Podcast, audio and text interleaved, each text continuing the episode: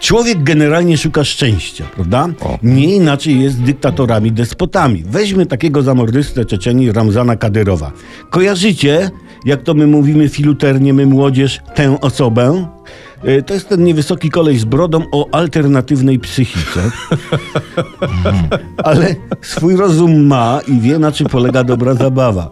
Otóż ów Ramzan Kadyrow otrzymał medal Bohater Republiki Czeczenii, który sam ustanowił parę miesięcy temu i teraz sam sobie jako pierwszemu ten medal przyznał. Jestem szczerze wdzięczny naszemu społeczeństwu za tak wysoką ocenę moich skromnych zasług, powiedział Kadyrow.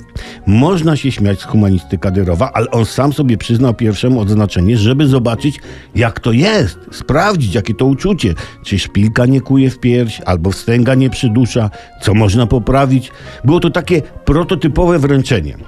Jak z kucharzem, nie? Zanim poda danie, sam go musi spróbować. Tak samo jest właśnie z odznakami. Ale już pal licho bohatera Czeczenii.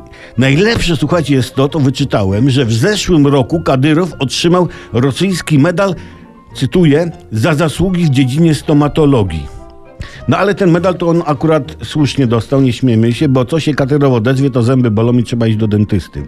Brakuje mu tylko rosyjskiego krzyża walec, walecznych za szczególne zasługi dla rosyjskiej proktologii, za wchodzenie Putinowi w wylot na zakończeniu bruzdy międzypośladkowej.